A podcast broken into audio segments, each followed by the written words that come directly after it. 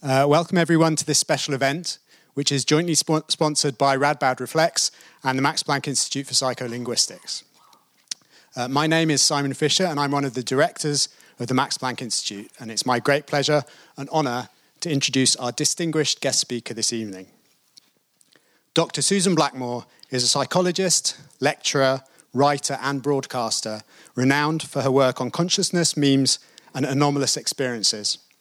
Dr. Blackmore is visiting professor at the University of Plymouth, and she writes for several newspapers and magazines, including New Scientist, Scientific American, and blogging for the Guardian newspaper and Psychology Today. And she's a frequent contributor and presenter on radio and TV. She's authored more than 60 academic articles and around 50 book contributions, as well as a textbook, Consciousness and Introduction, now in its third edition. Her influential 1999 book, The Meme Machine, has been translated into 16 different languages. And other notable books include Conversations on Consciousness from 2005, in which she delves into the mysteries of human experience in discussion with 21 leading philosophers and neuroscientists, including Dan Dennett, Francis Crick, Ramachandran, and others. Her latest book from last year is Seeing Myself The New Science of Out of Body Experiences, now, that title gives some clues to the unusual trajectory that has led Dr. Blackmore to become a leading figure in discussing the science and philosophy of the human condition. During her first year studying psychology at Oxford, she had an incredibly vivid out of body experience lasting over two and a half hours, possibly triggered by a mixture of sleep deprivation and cannabis. This was such a dramatic experience that she says she became convinced of telepathy and clairvoyance, precognition and psychokinesis, souls and spirits, and decided to devote her life to proving all this to those closed minded scientists out there. This was in the 1970s and 80s, before there was much in the way of neuroscience to explain subjective experiences of the human mind. She became a parapsychologist, but as she looked deeply into this area, the experimental results led nowhere. She uncovered no evidence of paranormal phenomena whatsoever. In the early 90s, the origins and bases of consciousness began to be discussed seriously among psychologists, gaining a firm foundation with the growth of neuroscience, and Dr. Blackmore started finding answers in terms of explanations offered by natural science. So, this early transformative, almost spiritual out of body experience became a jumping off point for skeptical scientific investigations of big issues concerning consciousness, and that led her to her work on memes and evolution, and as we will hear about today, the future of artificial intelligence. Now, before we begin, uh, I'd like to tell you more about the structure for this evening. First, Dr. Blackmore will give her talk, which will last about 45 minutes. Then we're joined by our expert discussant, Dr. Pim Haselager, Associate Professor at the Donders Institute here at Radboud University.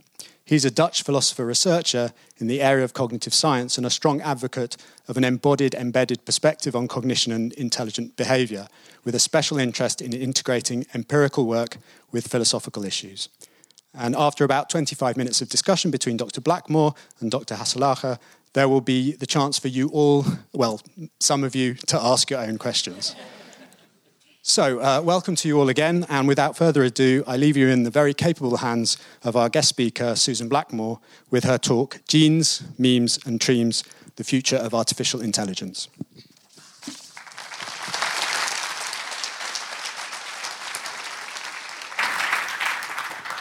Wow.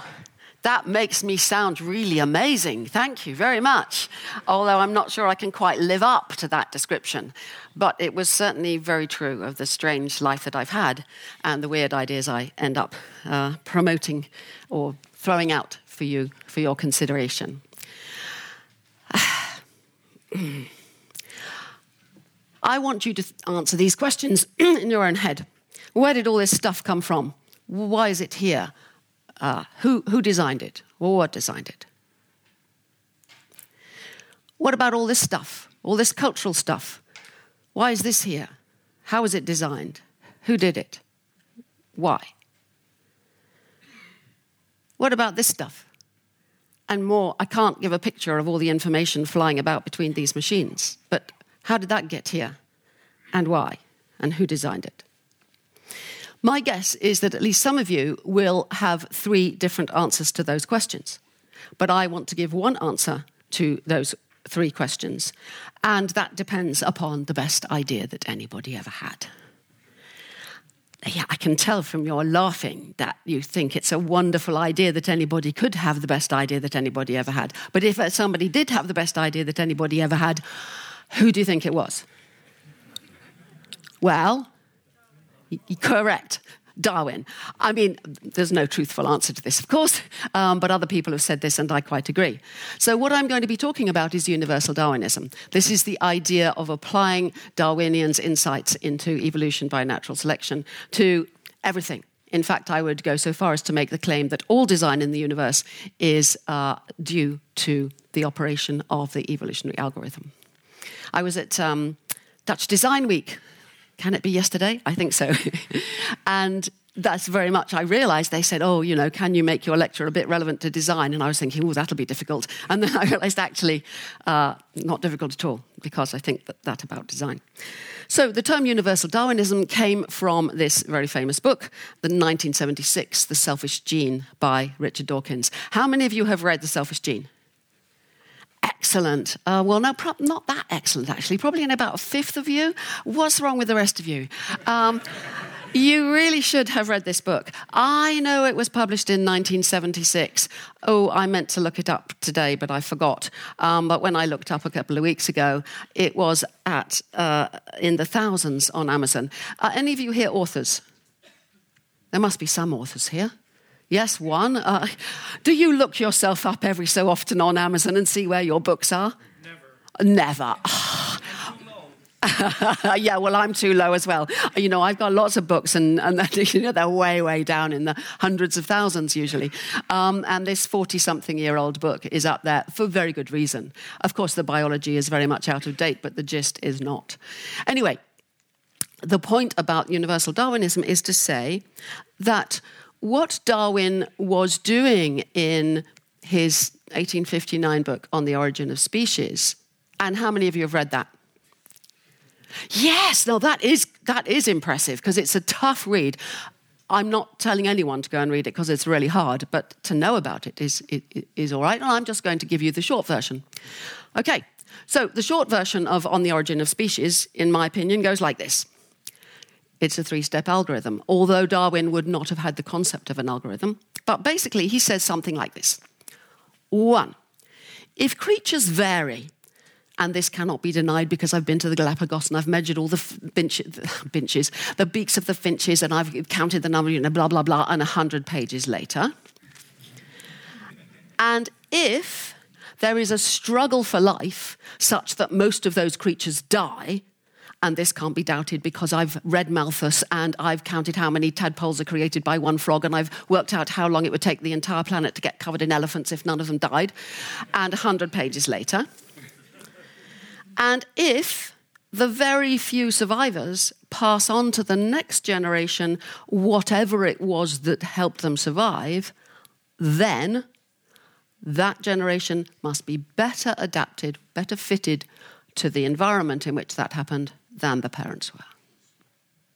Design. As Dan Dennett, who was here last week, I believe, as he puts it, you must get evolution or design out of chaos without the aid of mind. Without the aid of mind. Now, this is not just the mind of God, which of course was what terrified Darwin at the time, because I think I, have had wonderful experience with American evangelists and such like, just occasionally. Um, I was once in a queue um, get, to get into the States, which you can know can take ages standing in the queue. And I got chatting to this man in front of me who was an evangelical preacher. And I explained this to him, and I had this, for me, wonderful experience of seeing him going, uh, you know, you could just see he got it. Once you get it, you don't need a designer God. And I'm going to go further and say you don't need creative minds in the sense that we normally think about them. But before I go on, what do you think is the, my favorite word on this slide? Chaos? No. Pardon? No, not selection. Pardon? Must. Yes. I've even put it in capitals to give you a clue. You're not very observant, are you? That was a test. Um, the reason, it, my reasoning is that's what's so amazing and what part of what makes it the best idea anybody ever had. When you see it, you see it's inevitable. It's a kind of the mechanical process. It has to, it has to give rise to the next generation being better designed than the previous one. It has to happen, and therefore all this stuff happens on Earth. So there we have the, the, the basic idea. But I want to go back to the selfish gene.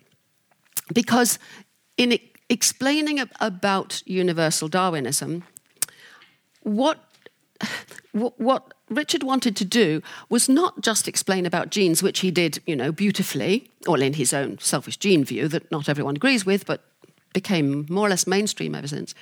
Um, but was to make the point that this is a general process that doesn't needn't just apply to genes. Genes are just one example of a replicator.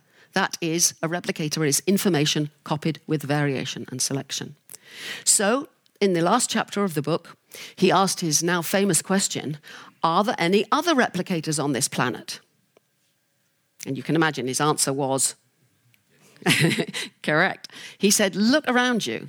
Swimming about in the primeval soup of culture is another replicator songs, stories, ideas, ways of doing things, anything that we pass from person to person.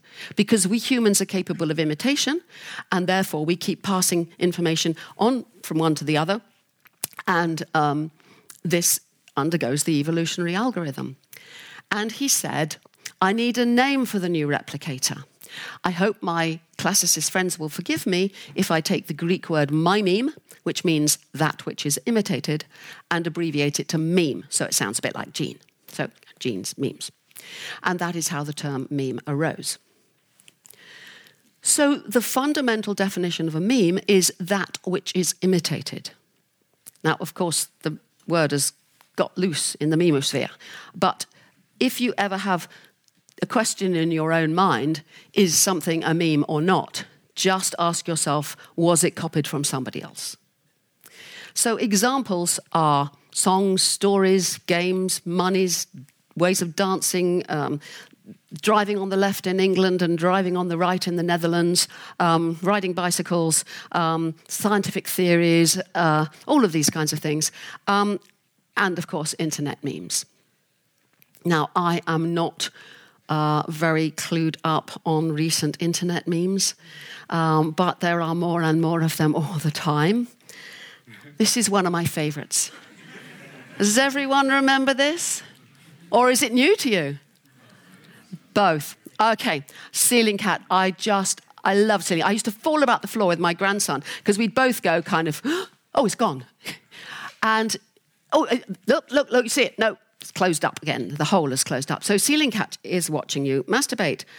Who does this or what does this remind you of? Well, it wasn't long before there were lots of other kinds of holes in the ceiling, lots of other kinds of cats. But more interestingly, I mean, the point is people are putting in the variation. Variation comes from all the people out there who've got uh, computers and phones and whatever and, and cameras and taking pictures and stuffing their poor cats' heads through the hole. But it quickly got the idea that, well, maybe there should be a basement cat.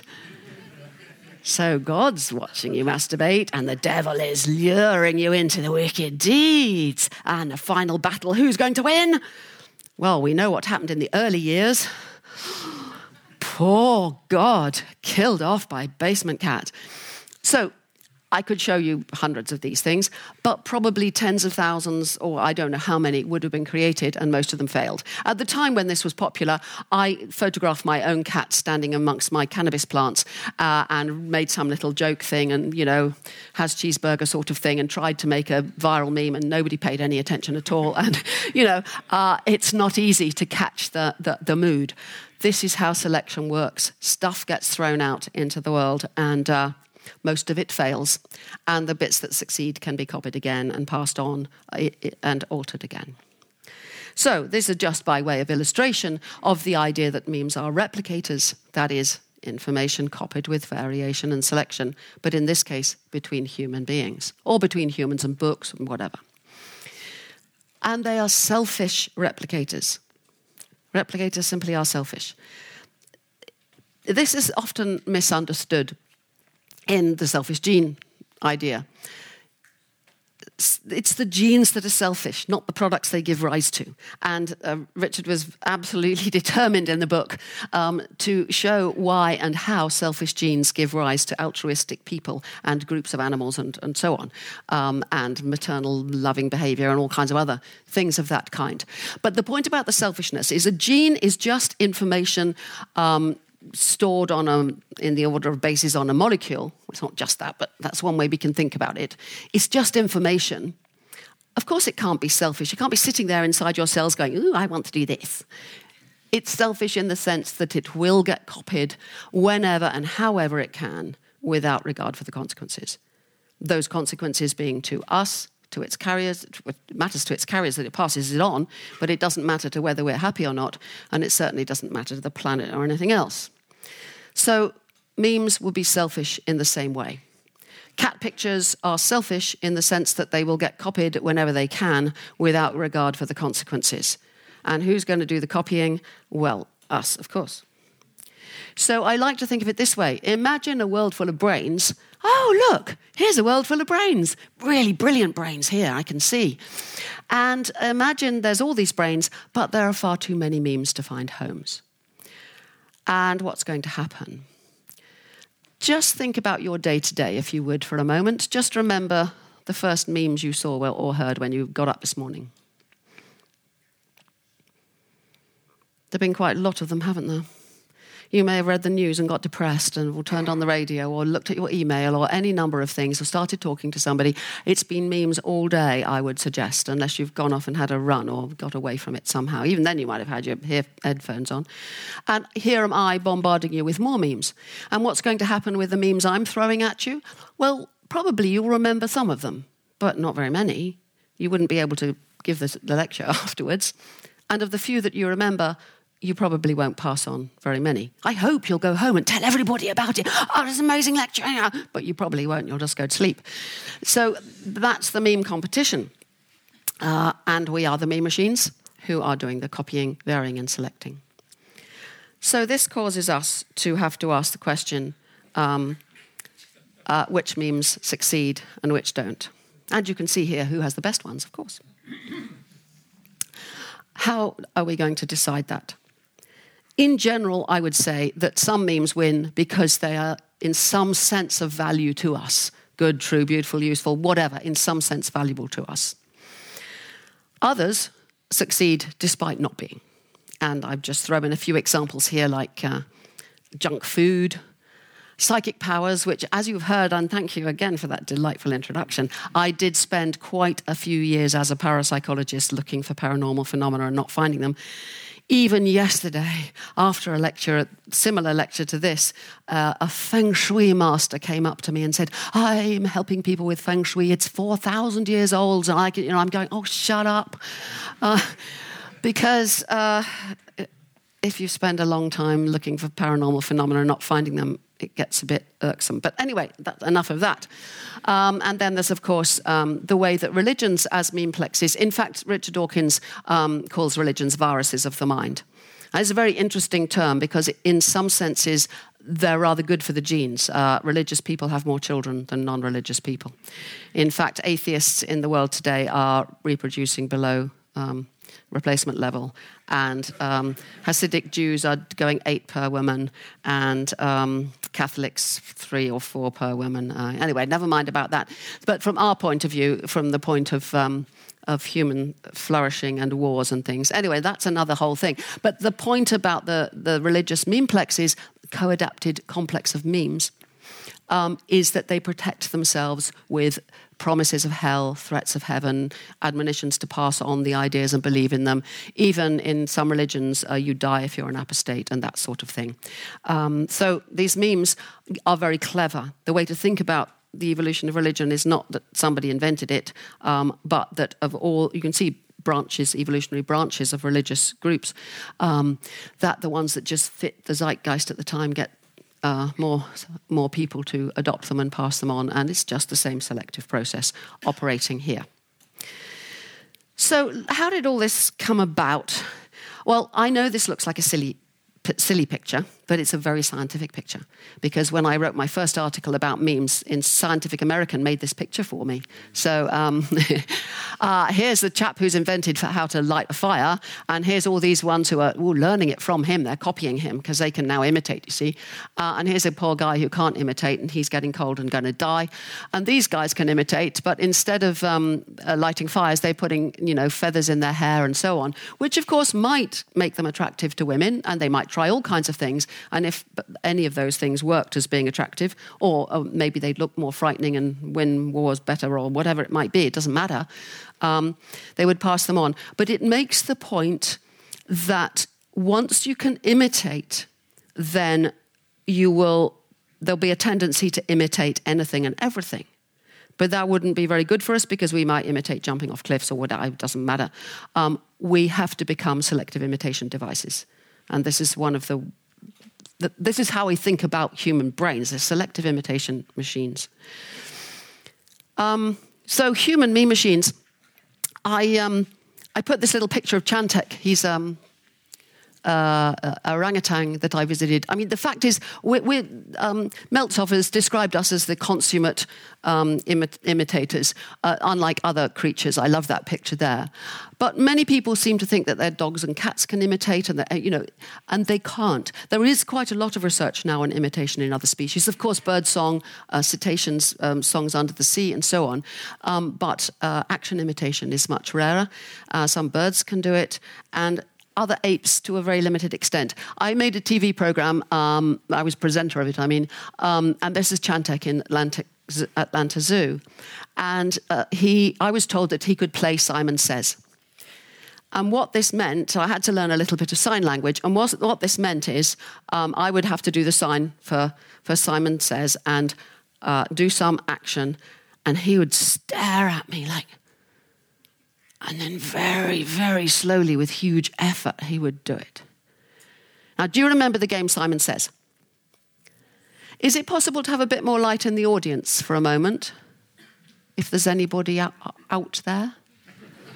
Is there anybody there? Oh, no, obviously not. So uh, I will have to stare into the audience. Okay, we're going to play Simon Says. You do have this game in, in, in this country, don't you? If you don't remember Simon Says or, or, or, you never played it as a kid, this is the rules, all right? Hey, thank you very much. And you can turn them off again when we finish playing Simon Says. Right, Simon Says is this I'm Simon, okay? And if I say Simon Says jump up and down, then you jump up and down. If I just say jump up and down without saying Simon Says, then you don't jump up and down. Okay, are you ready? Very easy rules, got it? Okay, Simon says, Tap your head. Simon says, snub your nose. Simon says, pull your ear. Mm, arms in the air. La, la, la, la, lots of you, got lots of you. Excellent, excellent. Okay, you can put them all back into their dimness. Um, brilliant. Now, the point of this was only just to have some fun. There's no point at all. Um, no, not really. The point of this is for us adult humans, uh, imitation, we, we can suppress imitation. Little kids can't, which is why at a kid's birthday party, the four and five year olds will, will get tricked by it, and the six and seven year olds will go, na, na, na, na. Um, and this depends on the, the development of the frontal lobes and the whole um, uh, inhibition systems that, that help us control behavior and so on. How different that is from Chantek, who had to struggle 26 years he'd been trained to, to do this by the time that I had my sign language conversation with him. Whereas little kids imitate very early, they love imitation, they enjoy being imitated. I have suggested, but it, not many people agree with me, that what makes us human is our capacity for imitation that, uh, in my opinion, is a starting point for humanity, absolutely, because that's what lets loose memes. And that's what happened when we began to imitate. We allowed a second layer of evolutionary process on top of the first, a second replicator building on the machinery created by the first replicator. You're wrong, pressing the wrong thing.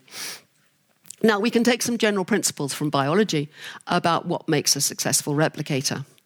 And those principles are fidelity, in other words, the accuracy of copying, fecundity, the number of copies made, and longevity, how long each copy lasts. Now, it's very interesting to think about the progression of these things because if we started up here with this lot, well, it's very hard to have high fidelity copying of how to make a fire stay alight, um, you know, fiddling with twigs and whatever. Dance is very difficult.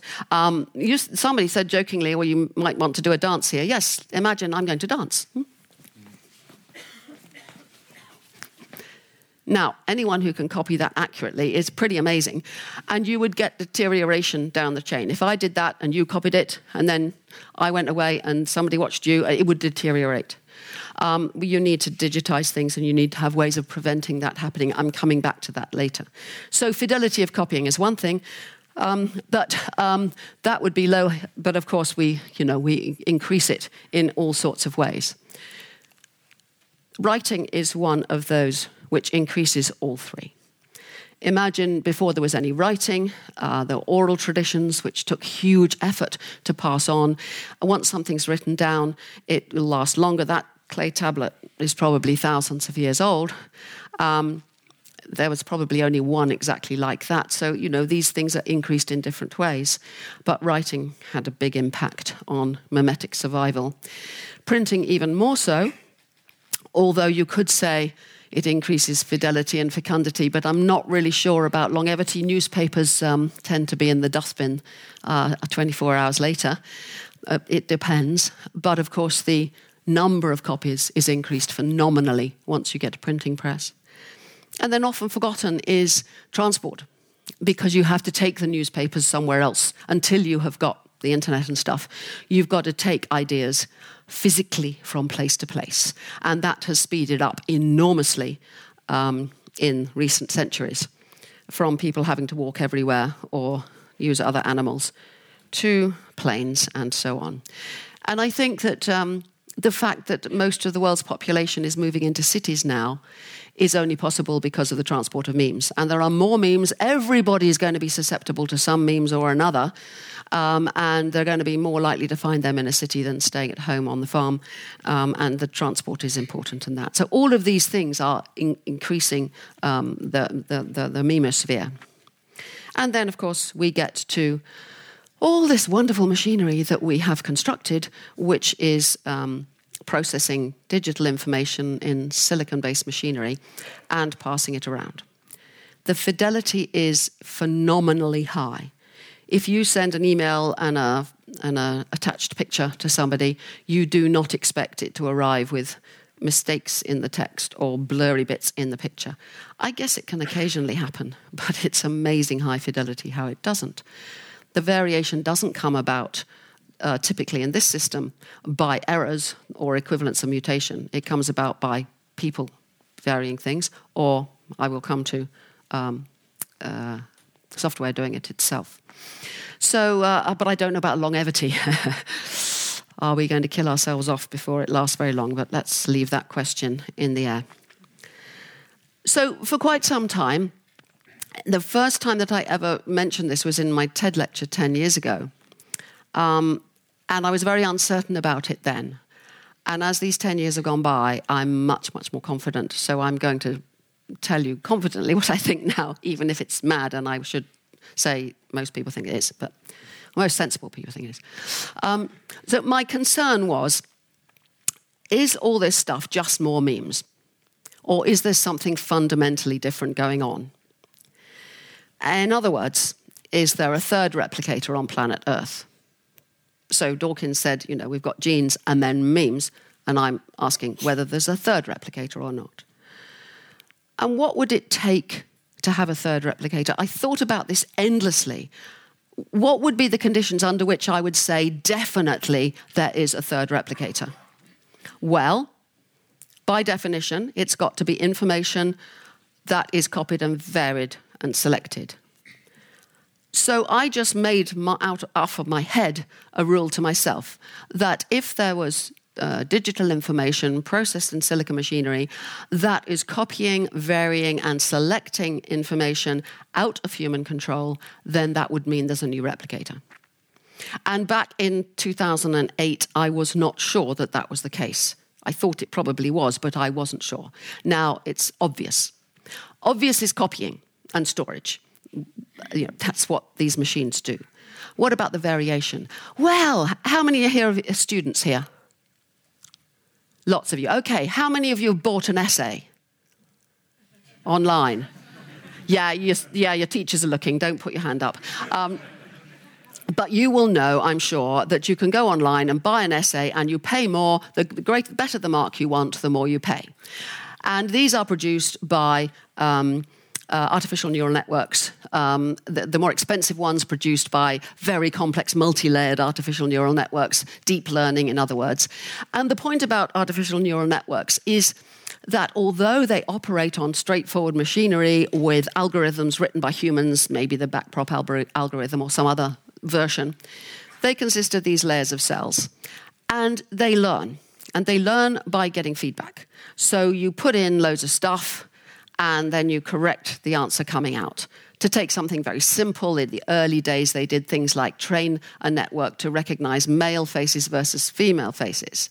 And they put in loads and loads of photos and then told them the answers, whether they got them right or wrong. And the network learns by adjusting the weights which is sort of analogous to how brains learn by adjusting the uh, strength of connections in synapses between neurons. Um, but the interesting thing about this is that the person who's set this thing up can look at the network and not really know what it's done to, to be able to produce the right output. So we can't see how it's done it, we can see what it's done. So, as far as the essays are concerned, um, it doesn't have to be a person putting them in. You see, some other program can do it. Uh, that's not a difficult thing. Um, uh, once things set up and going, so loads and loads of essays are put in, given marks, the, the, the uh, network learns what marks they are, and then you pay your money and you get one that's uh, going to get a really good mark. There's lots of other examples of variation. I mean, even something as simple as a Google search. Um, you put in your search. Now, you're needed I'm not saying humans are not needed, but keep thinking in your mind what our role is.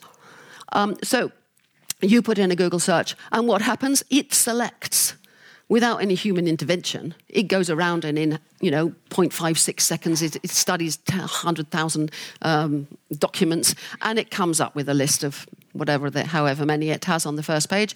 And it will be different for you than for me um, for all sorts of dubious and worrying reasons. Um, but there's no question that it's varying. And is it selecting? Yes, of course it's selecting. Um, it's selecting um, in, in the Google search, um, but also, what about those adverts you're getting all the time? Who's selected them? Oh, algorithms have selected them. In the beginning, uh, there would have been people sitting in those big mega corporations thinking, ha ha, if we buy this data from Amazon, one that everyone's bought, and we sell this to, you know. But now it's all, you know, most of it is done by uh, somebody letting loose some kind of software, some kind of algorithm to do this job, and your data being sold all over the place and passed around. So I think that it is incontrovertible that there is information copied with variation and selection by machinery out there that we thought we made for ourselves, and it's actually doing it for itself. If this is a, I mean, I think it's incontrovertible that happens, whether it's useful to think about it as a third level of, of evolution is my point this evening, and I think it is. And I think we need a, a name for the new replicator. And I propose the name tremes. It's not a great name. Trouble is, I said temes to begin with in the TED lecture, and then people started spelling it T E A M S and saying, Oh, which team do you support? And oh, for God's sake. Um, excuse me. it's not as bad as the paranormal. So I changed it to tremes to kind of go with try. I also wrote an article in New Scientist and said, please give me a name. I thought that's the way to do it. Get loads of people. So loads of people wrote in. I got 23 proposals, chimemes and cheems and techiemes and, you know, all kinds of things. And there were no more than two or three people chose any one of these 23. And I just, oh, for goodness sake, there's no obvious answer here. Um, and this will just have to thrive or not as an idea. Um, so I'm proposing that there is a third replicator on planet Earth. There are genes, memes, and tremes. Now, I want to explore with you lot because you're quite a clever lot. How long have I got? Oh, fine, fine, fine. Um, way back in the Meme Machine, I proposed that we think about certain things going on in biology in terms of the idea that there are two ways of copying things. Well, there are lots more, but at least two ways. One is you copy the thing itself, and the other is that you copy the instructions for making that thing. So, in the case of the dance, you know, you're copying the, the dance itself, it, you're going to get a deteriorating chain. Richard has written, Richard Dawkins has written about this as well. You're going to get a deteriorating chain. But if you copy the instructions for making something, you can keep the instructions safe. And then when you produce the thing, it doesn't matter what happens to the thing because you've still got the instructions for making a new one. So, uh, a recipe for a wonderful chocolate cake would be like this. If somebody follows a recipe and they forget to put whatever it is in it, or they put margarine instead of butter and it doesn't taste so nice, or whatever, it really doesn't matter because they can still um, email somebody else the, the, the recipe and they'll do it better. Or if the cake gets, you know, dropped on the floor or something, it doesn't matter. Now, we can think of the way this has happened um, the history of life on this planet. We begin what's called naked replicators. In other words, stuff that's just copied, stuff copied, stuff copied. Um, it is thought that in the primeval soup there was simple copying of crystal forms and so on. We're not really sure, but that kind of thing. But, as you probably well know, in um, most of biology, we get a separation of the phenotype from the genotype. So your genes passed down through the eggs and sperms are protected and this is the germline. And this is why Lamarckian inheritance is supposed to be impossible, as in the inheritance of acquired characteristics, because this fly, um, the instructions for making the fly are kept separate in the germline, and it doesn't matter what happens to each individual fly um, as long as it passes on its genes. So then I'm proposing, and uh, what I'm trying to think about in my own mind is is, is whether this three level thing makes sense and how it could have come about. So then I'm saying, well, from the same process, we got human beings gradually, but eventually. And then what happened? One of these creatures, all this biology all over the planet, just this particular one, began to imitate. And to begin with, the imitation was pretty crude, so it's again a naked replicator, copying the things itself, copying the behaviors, copying the sounds, and they might have become words becoming digitized because digitized words can be passed on more accurately than vague grunts or whatever. Um, but they're basically naked memes. Now, one of the major objections to memetics that comes up again and again is, oh, but memetics will be Lamarckian, and Lamarckian inheritance doesn't work, so therefore memetics is a load of rubbish. Well, this is, this is my counter to that it wouldn't be rubbish anyway, but it would apply to naked memes that it's not a very um, effective form of evolution. But look at the modern world. All of these things, um, let us take this glass. Now, this glass was not made by somebody getting a glass blowing machine and looking at another glass, oh, looking at that one, and going, I'm going to make one exactly the same, blow the glass, mm, it was presumably made in a factory where the instructions consisted of, you know, the machinery for producing the glasses. And that would be the same for these chairs. Now, why are these seats here? They are here. They are the winners in a memetic competition. To you know, somebody in this university thought that's the chair I want, and loads more of them are made in the factory. And there are probably all over the university lots of chairs like this. Um, but it doesn't matter if you spill coffee on that chair or kick it to pieces. That doesn't affect the instructions back in the factory. And then what? If the same thing happened again as happened before, then what we expect is that eventually what will happen is a machine that is capable of copying another new kind of information. And that is what I propose has happened with tremes. That we humans, thinking we were doing it for ourselves, have constructed a new kind of machine which is capable of, of copying with variation and selection a new kind of information that is digital information processed in silicon based computers, phones, servers, etc. So that's two examples of the same process happening of letting loose a new replicator. Well, if there is such a new replicator, it's going to be a selfish replicator, and we should ask who's going to benefit. Anybody might benefit. We might benefit, but we might not. It's in the nature of selfish replicators that they get copied whenever they can, regardless of the consequences. So, if we're going to care about the consequences, then we need to start thinking about the consequences and what this means for us. I rather worry that we're concerned about the wrong things. Some of you may have seen this in the news a few months ago that Mark Zuckerberg decided to turn off these two uh, robots because they'd started speaking to each other in a language of their own. And what they were saying, I'm sorry, I should have looked it up because I can't remember, but it was basically gobbledygook. I mean, they would say, ah, yeah, yeah, yeah, yes, no, yes, no, hello, goodbye, hello, or some, you know, completely gibberish stuff. But there are other examples of this, um, some wonderful experiments done in Belgium called the Talking Heads, where they had two simple robot heads looking at a board with different shapes on it and colors and stuff. And one would look at one of the shapes and make a noise. And the other one then followed its gaze, looked at the thing, and tried to imitate the noise. And then this one would look at something and make a noise, and this one looked at the same thing and tried to imitate the noise. And after many, many iterations, what happens? They both make the same noise looking at the same thing. And the humans watching wouldn't know how it came about. I mean, not in detail, just that they learnt from each other. So this is clearly a possibility. But why I say I think we're worrying about the wrong thing is because if you think of artificial intelligence as being something trapped inside a robot, um, I don't think this is very helpful because you then start worrying about, you know, terminators and robots with guns, kill them all, you know. Uh, and I think this is, is the wrong way of thinking about it.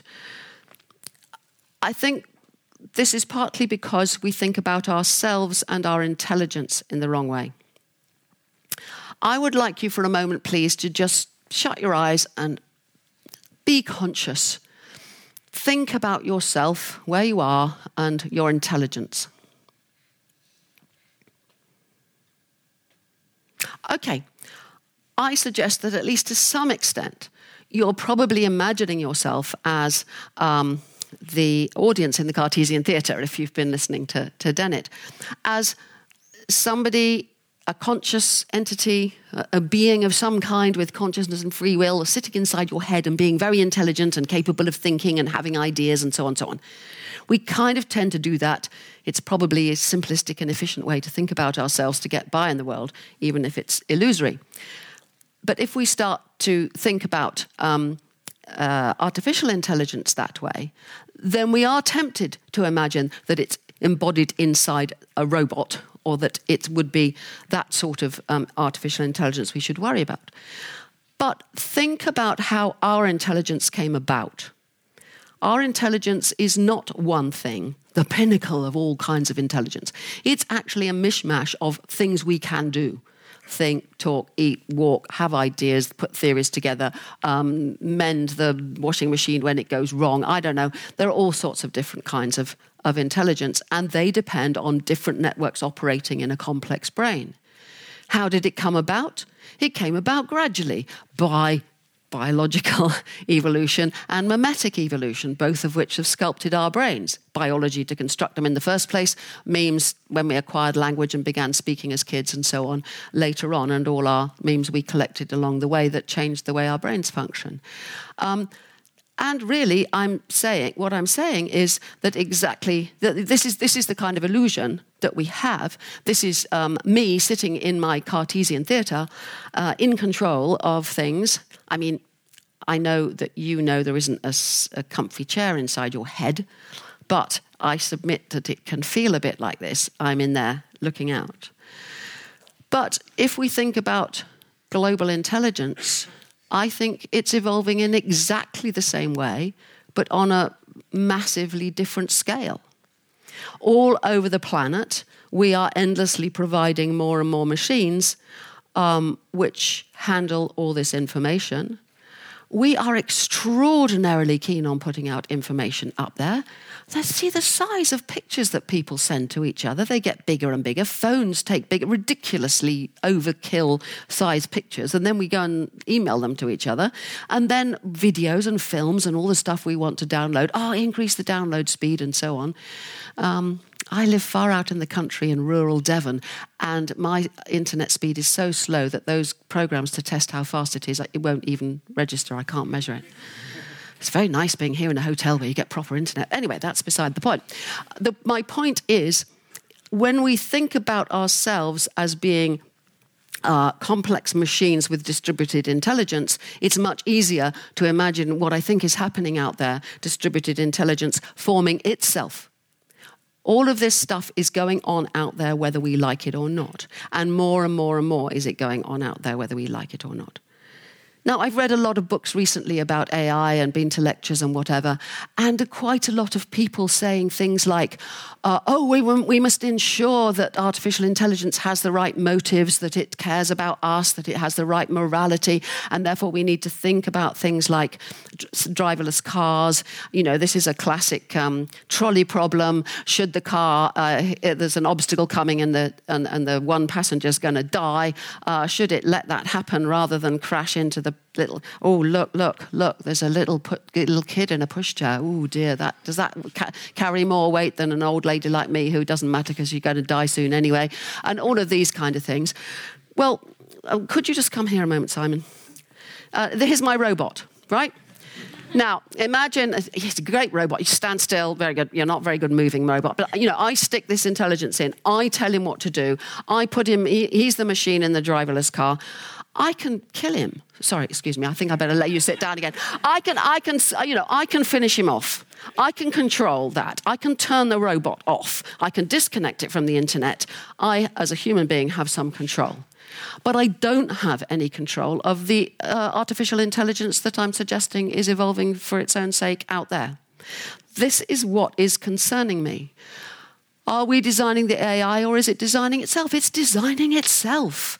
Um, think of those essays being written. I mean, it's a simplistic thing, but all of those massive um, Googles and Facebooks and things going on out there.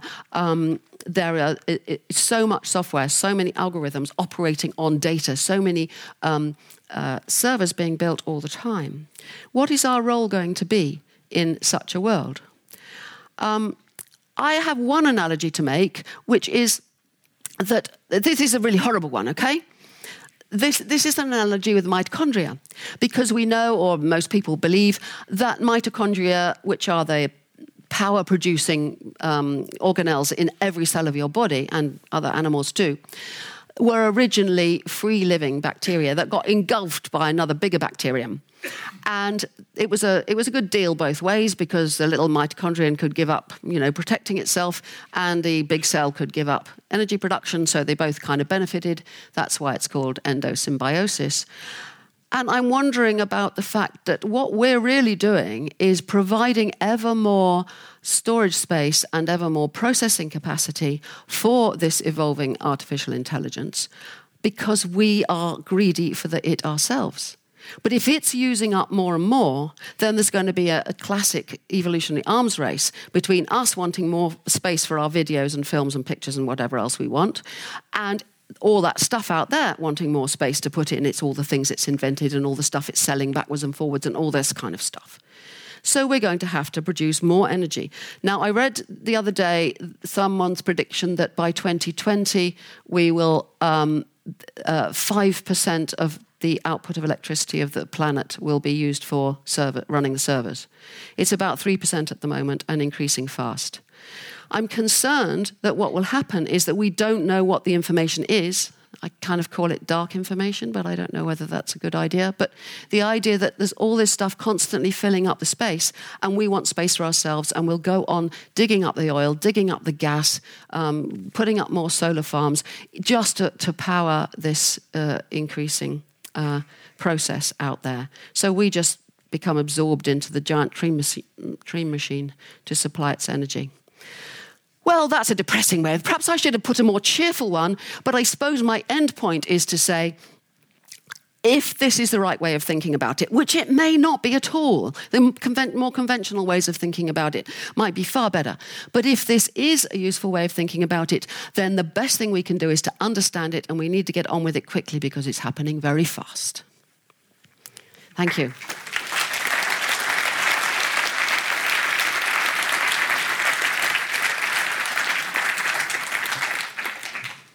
Well, thank you very much. Um, this is the first time I witnessed someone playing uh, Simon Says with a room full of adults. and actually doing the na na na na na. Sorry, I can't. Congratulations! It. It's, it's, it's really beautiful. I was so pleased that lots of you were fell for it. yeah, it was wonderful. Um, would you like to sit down or stand up? What is your preference? I'm fine standing up. Actually, um, I can see everybody better. I think I'd feel a bit silly down here. How about you? If you'd like to sit down, please do. Uh, I like standing. Let's sit down for a minute and then we'll see how we go. How about that? Oh, of course. Only you didn't do this and you should have. You let me go on. No, you, the timing What? was perfect. Was it? Oh. Yeah, we were totally happy. Oh, um, maybe, maybe not so much with sort of the ending. I, I you know, I, I, I, I do some work in, in AI, and we have lots of worries about Terminators and uh, Yeah. Killer robots, Yep. sex robots. Yep. Um, and now we have another worry uh, on our uh, plate.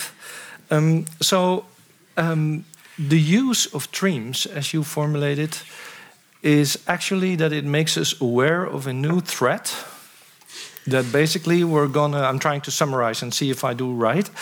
Uh, that's gonna uh, take our resources away from us to produce for us maybe less relevant kind of replicators. Is that sort of the core? Yes, yes. I'm not suggesting that we need to, you know, that this is absolutely terrifying and the end of the world is nigh, um, but that that if you think of it that way, we should be worrying about different things, and we should be thinking, okay, how can we uh, better observe what's going on? How can we better make sure we know where the resources are being used up and try to think of ways to use those resources, I mean storage and processing capacity, for the purposes that suit us rather than allowing them to be eaten up by other things. Yes, and and and so continuing that line for a moment. So, what would be a way to defend ourselves?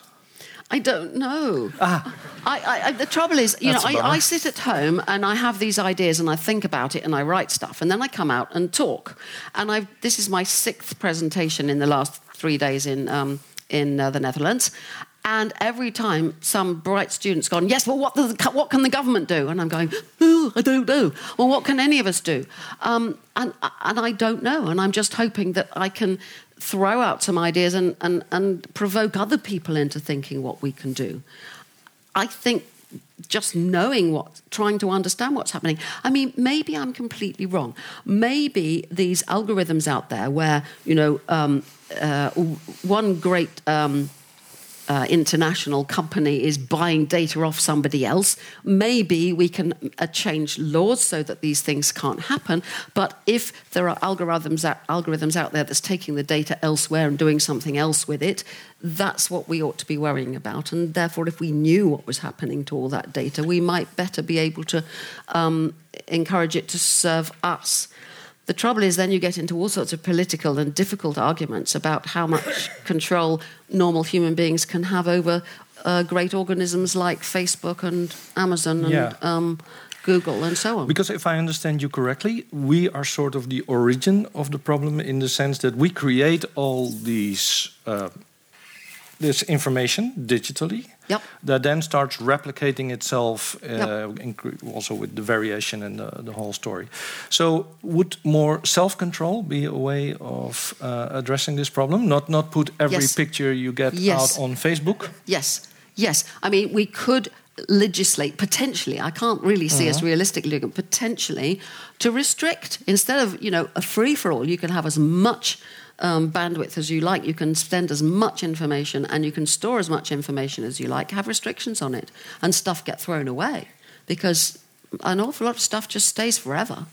Now, in some ways, that's fantastic that we have a total, complete record of almost everything that was ever uploaded.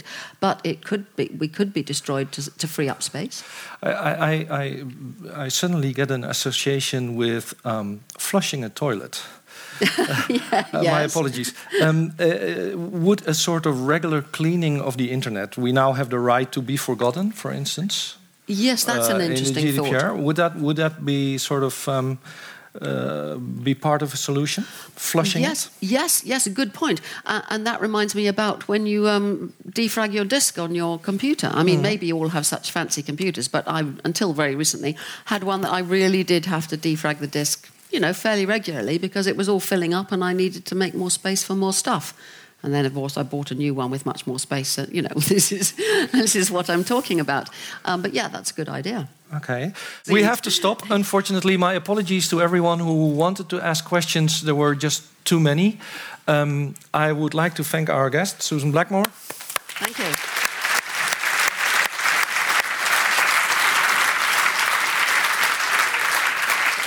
I have to And say, I would like to thank you and you for inviting me, and I've really enjoyed this format. I mean, there was enough time to give a lecture, only you should have stopped me sooner because I told you I'd talk forever if you let me. Um, but, you know, being able to have a lot of exchange and you asking questions, it's been fun and I enjoyed it. Thank you. Well, uh, I, I, I hope everyone did. So uh, thank you all. Let me say that the book Consciousness, it's now in its third. Consciousness and Introduction is Yeah. in its third edition. But It's a wonderful book. I've been teaching it Oh. myself together with Arno Koning. And if you need any introduction in this very important topic, then I think there's no better option than, than buy the book. But you can always buy the very short introduction, uh, which is about a quarter of the price. And um, No, no, no. Buy the extended version. It's better. it's better.